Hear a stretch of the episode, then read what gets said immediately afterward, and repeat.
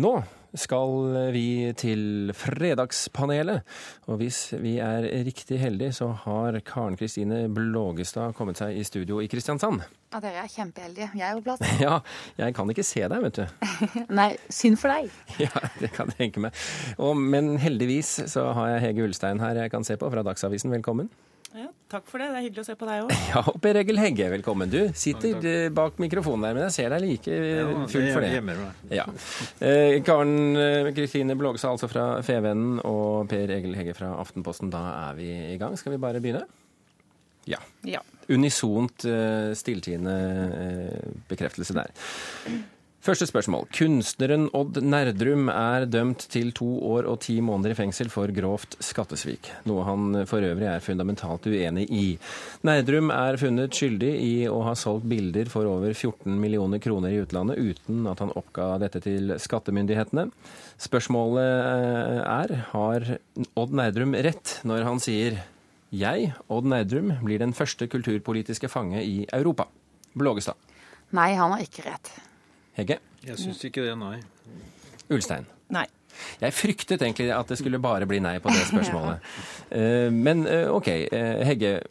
Kan du forklare hvorfor han sier dette? Ja, han passer jo godt inn i en offerrolle. Mange har jo vært sinte på ham og sagt mye kritisk gjennom årene. Og det ser jo ut til at et følsomt sinn merker seg det sterkere enn den rosen han har fått, og de pengene som er gått inn på konto. Så det er vel en, en, naturlig reaksjon. Og det er jo klart at det ikke er noe hyggelig å bli dømt, og særlig hvis man mener at det er uh, uten grunn. Men er det veldig mange europeiske land som fengsler sine kunstnere? Nei, det er ikke det nå lenger. Uh, og det, den siste var vel Ai Weiwei i Kina, og han er jo ikke akkurat uh, europeer, og det var ikke i Europa. og der er det vel grunn til å tro at det var altså Det kom et skattekrav som hadde sammenheng med hans opposisjonelle holdning. Det, jeg tror ikke at Neidrum Nerdrum eller andre vil få gjennomslag for at de forfølges politisk hvis skattemyndighetene kommer. Blågestad, nå er det slik at Nerdrum mener at eh, staten Norge har vært ute etter han hele hans karriere. Kan det være noe i det? Nei, jeg syns ikke det. Jeg er veldig enig med Hegge i at uh, Nerdrum har fått både ros og ris i norsk offentlighet opp igjennom, men han, jo, han er jo en suksess. Han tjener jo enormt mye penger. Han selger enormt mye bilder. Han har fått enormt mye media i mange, mange, mange mange år. Og han har også til dels ønsket det selv. Så eh, det er veldig mye suksess i Nerdrums historie. Og denne skattesaken er jo en klassisk eh, skattesvindelsak, så mer er det ikke å si om det, altså. Men er du 100% sikker på at det er svindel som var eh, motivet fra Nerdrum også? Ja, jeg stoler litt på tingretten og lagretten når de mener at det er eh, funnet bevis for det. det. Og det lukter jo veldig dårlig. Og bankbokser i Østerrike og i Sveits lukter jo veldig dårlig. Så jeg er villig til å tro på det. Hege Ulstein? Ja, nei, altså jeg, For det første så syns jeg Jeg er ikke helt sikker på hva en kulturpolitisk fange egentlig er. Men uh, jeg tror ikke Hvis du skulle gjette? Uh, ja. Jeg tror ikke Nerdrum er det. Og hvis han eventuelt er det, så er han uansett ikke den første i Europa. Altså, dette kan sikkert Per Egil Hegge mer om enn meg, men så mange fascistiske og kommunistiske diktaturer vi har hatt i Europa, så tror jeg nok eh, det har vært folk som har vært eh, verre ute enn han. Um, altså om, uh, han har jo han har en forklaring på disse pengene, da. At, uh, at, de var stua vekk for å betale for denne rennende malingen, malingen hans, men den er sylt inn. Han sier at han ikke har gjort noe. Og det er jo helt riktig, han har ikke betalt skatt. Men, men det er jo eh, i Nærums forsvar helt riktig at det finnes malerier som har fått eh, en eller annen feil ved seg som gjør at eh, de renner, og at, det har å, at kjøperne har begynt å mumle om erstatning osv. Ja da, det, det, er riktig det. Og, og, det er det som gjør at du har en sånn liten uro i den saken her. At mye av det han sier er stemmer jo med akkurat den biten av historien, og, og også det at advokaten hans er så tydelig på at dette, dette rett og slett er et justismord. Men øh, jeg syns jo at øh, bevisene til aktoratet er veldig veldig sterke i denne saken her. Ja, man må jo skatte av pengene uansett. Man kan jo ikke gjemme bort en inntekt pga. framtidige eventualiteter. Det er jo latterlig. Ja, men Ligger ikke litt av poenget i at Nerdum mener at det ikke er inntekt? Ja, Siden han skal gi bort pengene? Jeg syns det høres ut som uh, veldig mye om hvis om at venn. Uh, jeg tror ikke på det. Men kan jeg også gjøre det, da? Kan jeg ta lønna mi og legge den i en bankboks i Sveits og ikke betale skatten fordi jeg sier at jeg har tenkt å gi den bort senere? Prøv. Og så er det et annet poeng. Hegge, vent, litt. Hege, du har jo ikke for vane å, å, å jatte med autoriteter. Kan Nei, det hende at domstolen er litt strenge i sin vurdering her? Ja, teoretisk kan jo det hende. Men, men det er jo som Lågestad sier, altså det, bank, bankbokser i, i Sveits og Østerrike, eller for den del tanter i Sveits, det, det, det, det er ikke av de ting som skattemyndighetene i Norge uten videre godkjenner, eller blåstempler. Eh, Sånn at eh, det forklaringsproblemet som man har, det, det fikk ingen god forklaring i retten, så langt jeg kunne skjønne. Og, og, og det er jo Altså hvis du skal slippe å betale skatt for inntekter, så må du skille deg. For hvis du forsørger en kone som du er gift med, så kan du ikke trekke det fra. Men betaler du til henne etter at du er skilt fra henne, så kan du trekke det fra på skatten. Så eh, Lite tips fra Hegge der. Blågestad, hva var ditt andre poeng? Jo, jeg syns jo det er litt sjokkerende å lese at noen i Norge mener at han i kraft av å være kunstner skal slippe straff, at han har dette skjøre kunstnersinnet som vil gå til grunne i fengselet. Eh, Det er jo et veldig problematisk landskap å, å gå inn i. For det kan jo hende at det finnes en eller annen misforstått eh, keramiker i et eller annet norsk fengsel i dag, som da må få saken sin prøvd på nytt fordi han er kunstner. Her kom hendene opp i studio i Oslo. Men det jeg syns er litt rart, eh, hvis han nå skal i fengsel, eh, og det er klart det, er- det er ikke noen lett fremtid det, men da har han lov til å arbeide. Han har bare ikke lov til å male. Det syns jeg er for dumt. Har han ikke lov til å male? Nei, det reglementet er slik at han har ikke lov til å male i fengsel. Har ikke lov til å drive med inntektsgivende arbeid. Det er i hans tilfelle da maling. Hvis han da te- te- tegner noe og gir det bort Ja, da får vi Da må vi undersøke da om, de, om disse herre som, som får dette som gave, har en bankboks i Østerrike. Ulstein, siste kommentar på dette spørsmålet. Ja, nei, Jeg er veldig enig i at det, det blir for dumt å særbehandle folk fordi de er kunstnere. At det skulle være en- noe slags sånn immunitetsutløsende yrke. Så eh, Men jeg, jeg, jeg syns han kan få male, jeg, altså. Det, det var i hvert fall et lite glimt av eh, noe annet enn et nådeløst fredagspanel på slutten av det spørsmålet. Vi går videre og ser om dere er like nådeløse i neste spørsmål. Eh, artister som eh, Tone Damli og Hanne Sørvåg gjør større skade av å kle av seg enn hvilken som helst kvinnelig pornoskuespiller. Det skrev samfunnsviter Heidi Helene Sveen i Aftenposten denne uken. Spørsmålet stilles videre til dere. Gjør Damli, Sørvåg og andre kvinnelige artister som viser frem kroppen sin, større skade enn pornoskuespillere? Hegge. Nei. Ulstein. Nei. Blågestad. Ja. Ja! Endelig en uenighet. Og vi begynner med ja. Vi begynner med meg, ikke sant? Ja. Eh, jo, dette syns jo jeg opplagt er mye farligere. For dette er jo en eh, hverdagsvirkelighet som norske jenter og norsk offentlighet forholder seg til hele, hele, hele tiden. Dette flyter samfunnet vårt over, og det er overalt.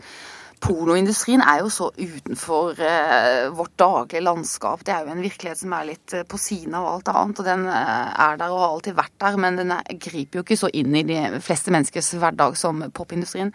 Men hva er det som er skadelig, da? Nei, det er jo det igjen, da. Altså hvor skadelig det er, det kan man jo diskutere. Men det er jo klart at den dårlige popindustrien, og det vil jeg gjerne understreke All den sexkulturen i den industrien er jo med på å forflate og fordumme norsk offentlighet. Og det kan jo hende at vi ikke har så veldig mye å gå på der. Ulstein? Ja, jeg mener nei så vidt. Å ja, du er litt skal, Kan ikke du da si sånn ja, kanskje eller nei? Ja, jo, men ikke sant. Altså, jeg, jeg tror at, eh, altså, at å ha en annen slags idé om at vi skal få en popkultur, enten det handler om musikk eller andre ting, uten, som ikke spiller på sex, enten det er menn eller kvinner, det, det tror jeg vi kan glemme. Så det jeg syns er interessant å se på, er hvordan de spiller på sex. Og disse damene som er nevnt her, hun eh, Hanne Sørvåg kjenner jeg ikke noe særlig til, men hun Tone Damli, det er jo, det er jo en veldig sånn eh, underdanig, eh, kom og ta meg eh, måte hun holder på med dette her på altså Det er jo ikke noe attitude, det er ikke noe guts. ikke sant? Altså hvis du ser på for At hun, bare, at hun bare er et sexobjekt? Veldig, ikke sant? Og mens Rihanna, for eksempel, som gjør mye av det samme, hun har i hvert fall en video hvor hun skyter en voldtektsmann i huet, da. Altså, det skal vi kanskje heller ikke anbefale, men det er liksom en litt er annen det er jo klart skadelig, da. det er klart skadelig, helt, men det er i hvert fall en, en litt annen en sånn tøff i trynet-type mm, spiller på sex. Det liker du bedre. Det liker jeg mye bedre. Hva liker du, Per Egil Hegge? Nei, det er lenge siden jeg syntes det var noe særlig skade ved å se på damer som hadde lite tøy på seg. Så, så jeg tror ikke det er deg de er redd for, skjønner du. Nei, det er godt å høre. det er ungdommen. Ja, eh, altså alle vi eldre har jo vært redd for ungdommen. Jeg tror jeg mener å huske at uh, foreldregenerasjonen var veldig bekymret for, for meg og mi, mi, mine jevnaldrende også.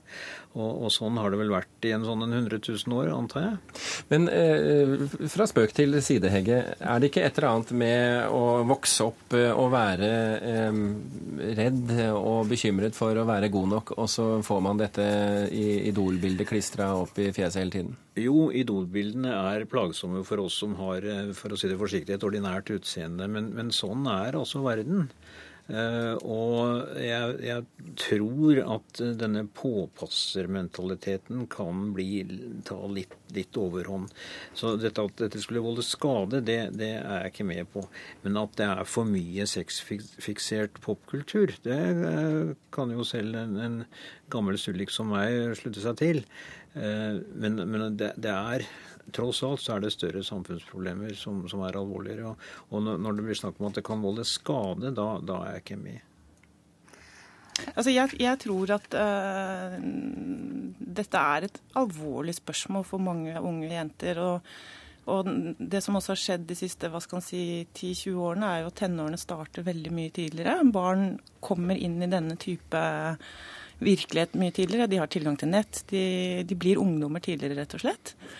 Eh, og det betyr også at de er mer sårbare, mer usikre når de blir eksponert for mye av dette her. Og det er, dette handler jo om så, såpass alvorlige ting som uh, voldtekt, spiseforstyrrelser, uh, som mange sliter med. Det vet vi jo. Sånn at uh, at man skulle lage noen regler eller noe sånt, det, det syns jeg ikke. Men at en, en person som f.eks. Tone Damli kunne tenke litt over hva hun driver med, istedenfor da å hva var det hun sa nå sist da, da det var en debatt om henne? At uh, hvis man var feminist, så kunne man ikke kritisere henne, for hun er kvinne? Altså, En sånn merkelig logikk uh, som jeg aldri skjønte helt. Det er jo sånn slagordslogikk, og, og, det er jo svært mange feminister, og, og, til og med det som i gamle dager het betongfeminister, som er ganske kvinnelige. Uh, sånn at det, det, det, blir for billig å, å, å, bruke akkurat det argumentet fra, fra hennes side. Det syns jeg. Blågestad, bør eh, Damli eh, ta samfunnsansvar, sånn som det ble hevdet i Aftenposten? Nei, jeg syns det er litt for drøyt å skulle holde henne ansvarlig for dette. Altså, hun er en eh, pop- og syngedame, og kan ikke gjøre henne personlig ansvarlig for, som rollemodell. Det syns jeg går for langt. Og jeg liker heller ikke denne politiet. Altså, vi skal ikke ha noe sånn moralsk politi. Men jeg syns det er viktig at vi er inne og forteller ungdommen at en del av disse popjentene spesielt er veldig harry. Det de holder på med er dumt, og det er flatt. Det fins masse god pop popkultur eh, og mye gode popdamer som de heller kan konsentrere seg om. Popjenter er harry. Det er godt at vi fikk rundet av eh, diskusjonen med å konkludere slik. Vi går på siste spørsmål i dag. Forfatter Frode Grytten hevdet i Dagsavisen denne uken at gårsdagens klisjéfylte fotballspråk er erstattet med et pseudovitenskapelig fotballpreik som dreper gleden ved spillet. Spørsmålet lyder altså som følger. Er fotballspråket i dag erstattet av et pseudovitenskapelig fotballpreik som dreper gleden ved spillet? Blågestad? Ja. Ulstein? Ja. Hegge? Ja. Da var vi tilbake i folden igjen, altså. Ja. Vi begynner med deg da, Hege. Det, det, er denne svadaen som eh, Og det er jo veldig mye pseudo, da, veldig lite vitenskapelig. Men jeg satt og, og, leste en historie som for øvrig, hvis det er lov å reklamere, kommer i Språkspalten den 5. juli. Eh, og Da var det snakk om tunge, bevegelige kanter rundt midtspissen med sikte på å kontrollere bakrommet. og Da ble det for mye for Bonucci og Calzani å forholde seg til. I så fall kommer Tyskland til finalen. Eh, altså, dette, det, det, er jo et, et, språk og en, en oppstyltethet som foregir å, å, være vitenskap. Og i Aftenposten hadde vi da til og med også plassert en spådom innenfor en faktaramme. Altså journalistikken blir slik at spådommer er fakta. Da, da, har man glemt hva journalistikk er for noe. Det er faktisk å prøve å finne ut hva som har skjedd, og fortelle om det på en noenlunde begripelig måte. Og hva som kommer til å skje, det får man overlate til fremtidsforskerne, og de vet ikke det heller. Fra Hegge til Hege. Ulstein. Ja, nei, Jeg syns det er helt forferdelig å høre på Altså, det, det høres ut som en sånn veldig dårlig mattelærer i en geometritime på barnetrinnet. Altså det er streker og bokser og firkanter og rundinger, og de snakker som, som Hegge ga et eksempel på her. ikke sant? Altså nå er, eh, nå er det to streker inn mot den bakre rekka. Oi! Ja. Eh, Det er ikke rart Tyskland tapte. Nei, det er ikke rart de tapte. Men eh, når man da i tillegg må sitte og se to timer på at de spiller 0-0 eh, og høre på dette her før de endelig kommer til straffekonkurransen, så det er hardt, altså. Blågestad. Blågestad? Hun det falt utover Han skillelinjen. Blågestad falt ut fra, fra prøv, å få, prøv å få en inn igjen, herr tekniker, så fortsetter vi. For Hege har mer på hjertet. Hegge har mer på hjertet. Hege og Hegge, det er vanskelig. Det er veldig vanskelig, dette. Hvis jeg kan mimre litt, så hadde London Times på 60-tallet en fotballskribent eller redaktør som, som het Graham Greene. Eh, Uten E til slutt, så han var ikke, Det var ikke forfatteren? Det var ikke forfatteren, Men han skrev bedre enn forfatteren. De fotballreportasjene var sånn at jeg faktisk en gang drømte om å skrive hovedoppgave for Graham Greens prosa. eh, i, Han var Football Association Correspondent, og de, var anonyme den gangen i Times. Det var et fantastisk språk. Og det var ingenting av dette tøvet her. Men han, han skrev, noen ganger skrev han som Thomas Hardy. Hvis det var regn og torden, så, så kom altså disse dystre værforholdene som de gjør i Thomas Hardys romaner. Og, det, det var altså en turnering, en, en, en håndtering av det engelske språket som var så, så fantastisk vakker. Eh, Og, og samtidig fikk du vite hva som hadde skjedd under kampen. Eh, Og, og ingenting av, av disse her eh, geometriske oppsluttanalysene. Men, men er det sånn at eh, reporterne da, og journalistene i NRK og TV 2, for å bruke det, det som er under EM nå, er nødt til å snakke hele tiden?